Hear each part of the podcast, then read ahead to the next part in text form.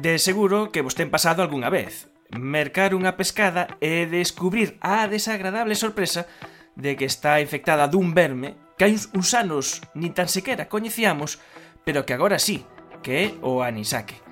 Este parasito é un problema para a nosa industria pesqueira. Moi boas tardes, Mónica Carrera. Boas tardes.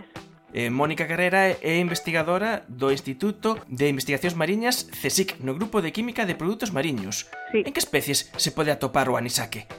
Pois o anisaque atópase normalmente en especies como a pescada, o bacallao, o xerelo, ou inclusive no, no calamar. Eh, supón un problema importante para a industria pesqueira.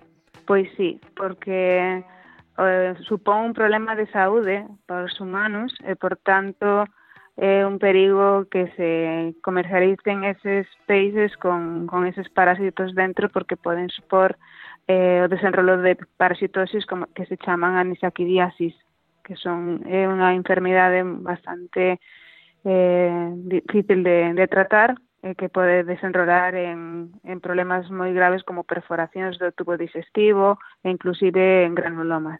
Ata o momento o único tratamento é a extracción endoscópica desas larvas e o tratamento sintomatolóxico, pero non hai ningún outro tratamento.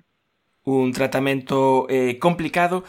Eh, estamos a falar con Mónica Carrera porque ela eh, participa no grupo de traballo que ten publicado un traballo científico que ven de ser distinguido co Premio de Investigación Ernesto Vieitez 2016 da Real Academia Galega das Ciencias. Bueno, antes de nada, parabéns polo premio.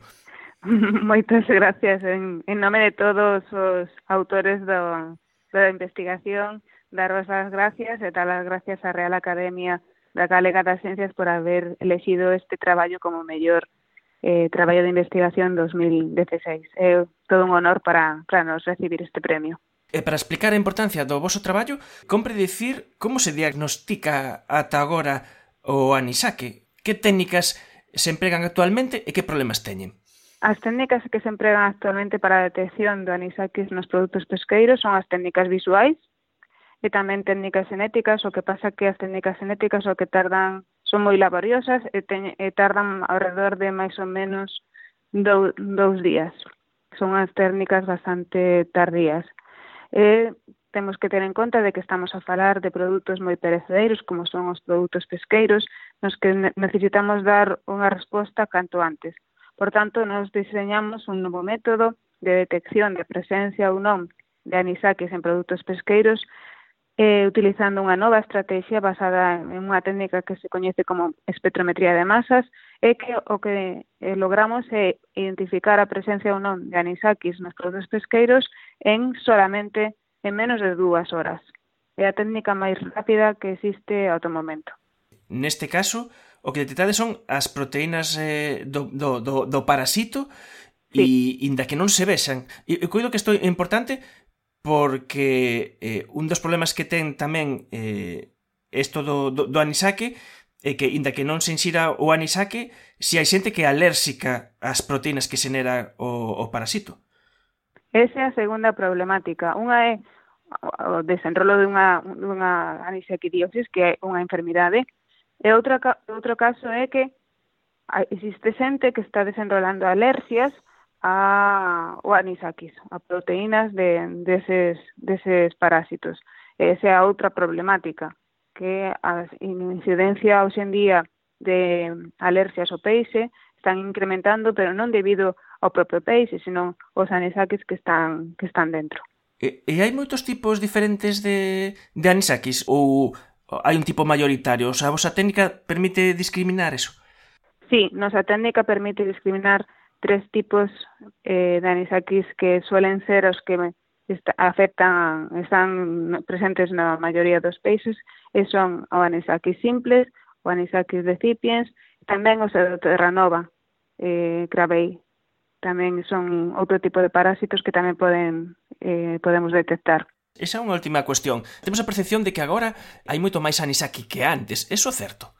Sí, É certo, eso tamén pode ser debido a forma de, bueno, de, traba, de tratar os peixes nos barcos, como, bueno, hoxe en día xa non se pode, pero hasta ahora o que se facía era tirar as vísceras dos peixes polo mar, e eso que fai é que a cadena non, non pare, porque normalmente os parásitos están presentes no tubo digestivo dos peixes e, por tanto, se tiramos as vísceras ao mar, cando os madriñeiros pescan os, os, pes, os, os peixes, seguimos mantendo ese ciclo de parásitos e por eso está incrementándose o número de incidencia.